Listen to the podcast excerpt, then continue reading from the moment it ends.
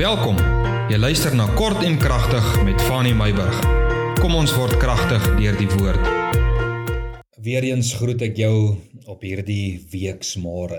Die week is al weer op pad om uit te loop, nê? Nee?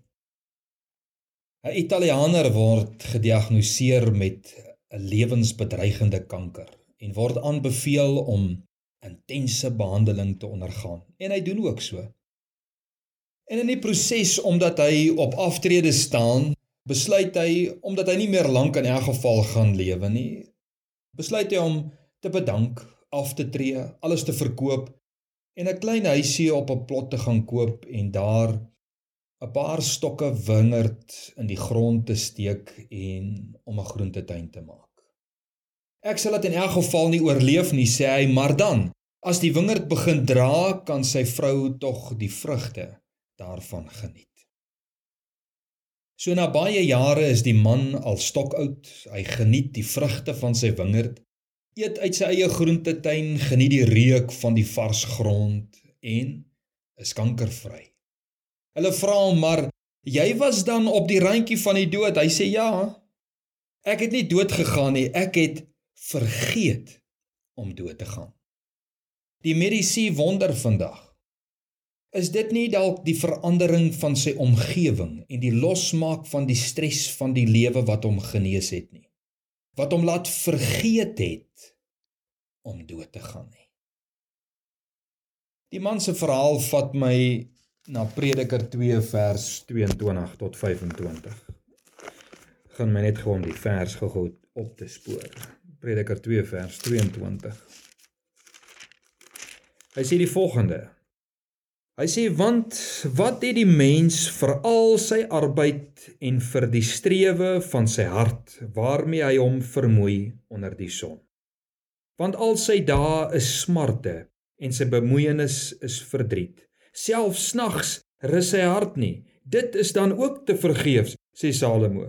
Dit is nie goed wat in die mens kleef 'n ander beskrywing van vers 24. Daar is niks beter dat die mens eet en drink en sy siel die goeie laat geniet by sy moeitevolle arbeid nie. Ek het gesien dat ook dit kom uit die hand van God. Want wie kan eet en wie kan geniet sonder die Here? Prediker sê daar is niks beter as om die vrug van jou werk te geniet nie.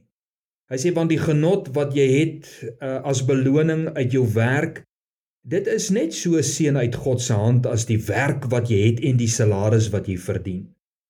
Jy geniet wat jou toebedeel is want dit alles is uit God se hand. Salomo sê dat dit nie net oor die werk gaan nie, maar ook oor die rus en die vervulling wat jy skep met jou salaris. Dit is die seën van die Here.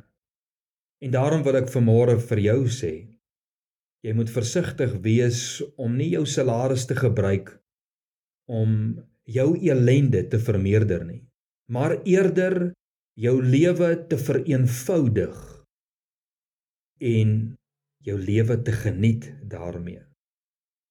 En die genot wat ek van praat is nie om jouself oor te gee aan duistere praktyke nie, maar praktyke wat jou kern gesond geestelik, emosioneel en fisies gesond sal maak en jou gesond sal hou. Met ander woorde, doen iets met jou inkomste na jou verpligtinge met ander woorde wat 'n belegging sal wees in jou gemoed. 'n Belegging sal wees in jou gesondheid, 'n belegging sal wees in jou huwelik, in jou gesin, in jou vriendskappe, in jou verhouding met God. Want dit is alles deel van God se seën oor jou lewe. Hierdie oom sê ek het vergeet om dood te gaan want ek het die lewe begin geniet. Ek het die stres ontlaai. Ek het ontslaag geraak van die baie dinge waarmee ek my baie mee besig gehou het wat my gesondheid en my geestelike welstand gesteel het.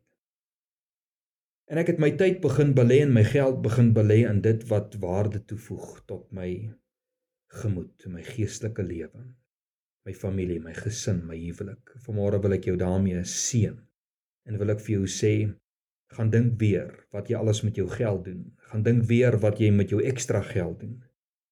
Hoekom spandeer jy dit nie eerder om geestelik gesond te word, om jou huwelik te red, om jou gesinslewe te red nie, om jou siel te red en om jou gesondheid te red nie. Dink daaroor. Mag die Here jou seën met hierdie wysheid tot ons môre verder gesels.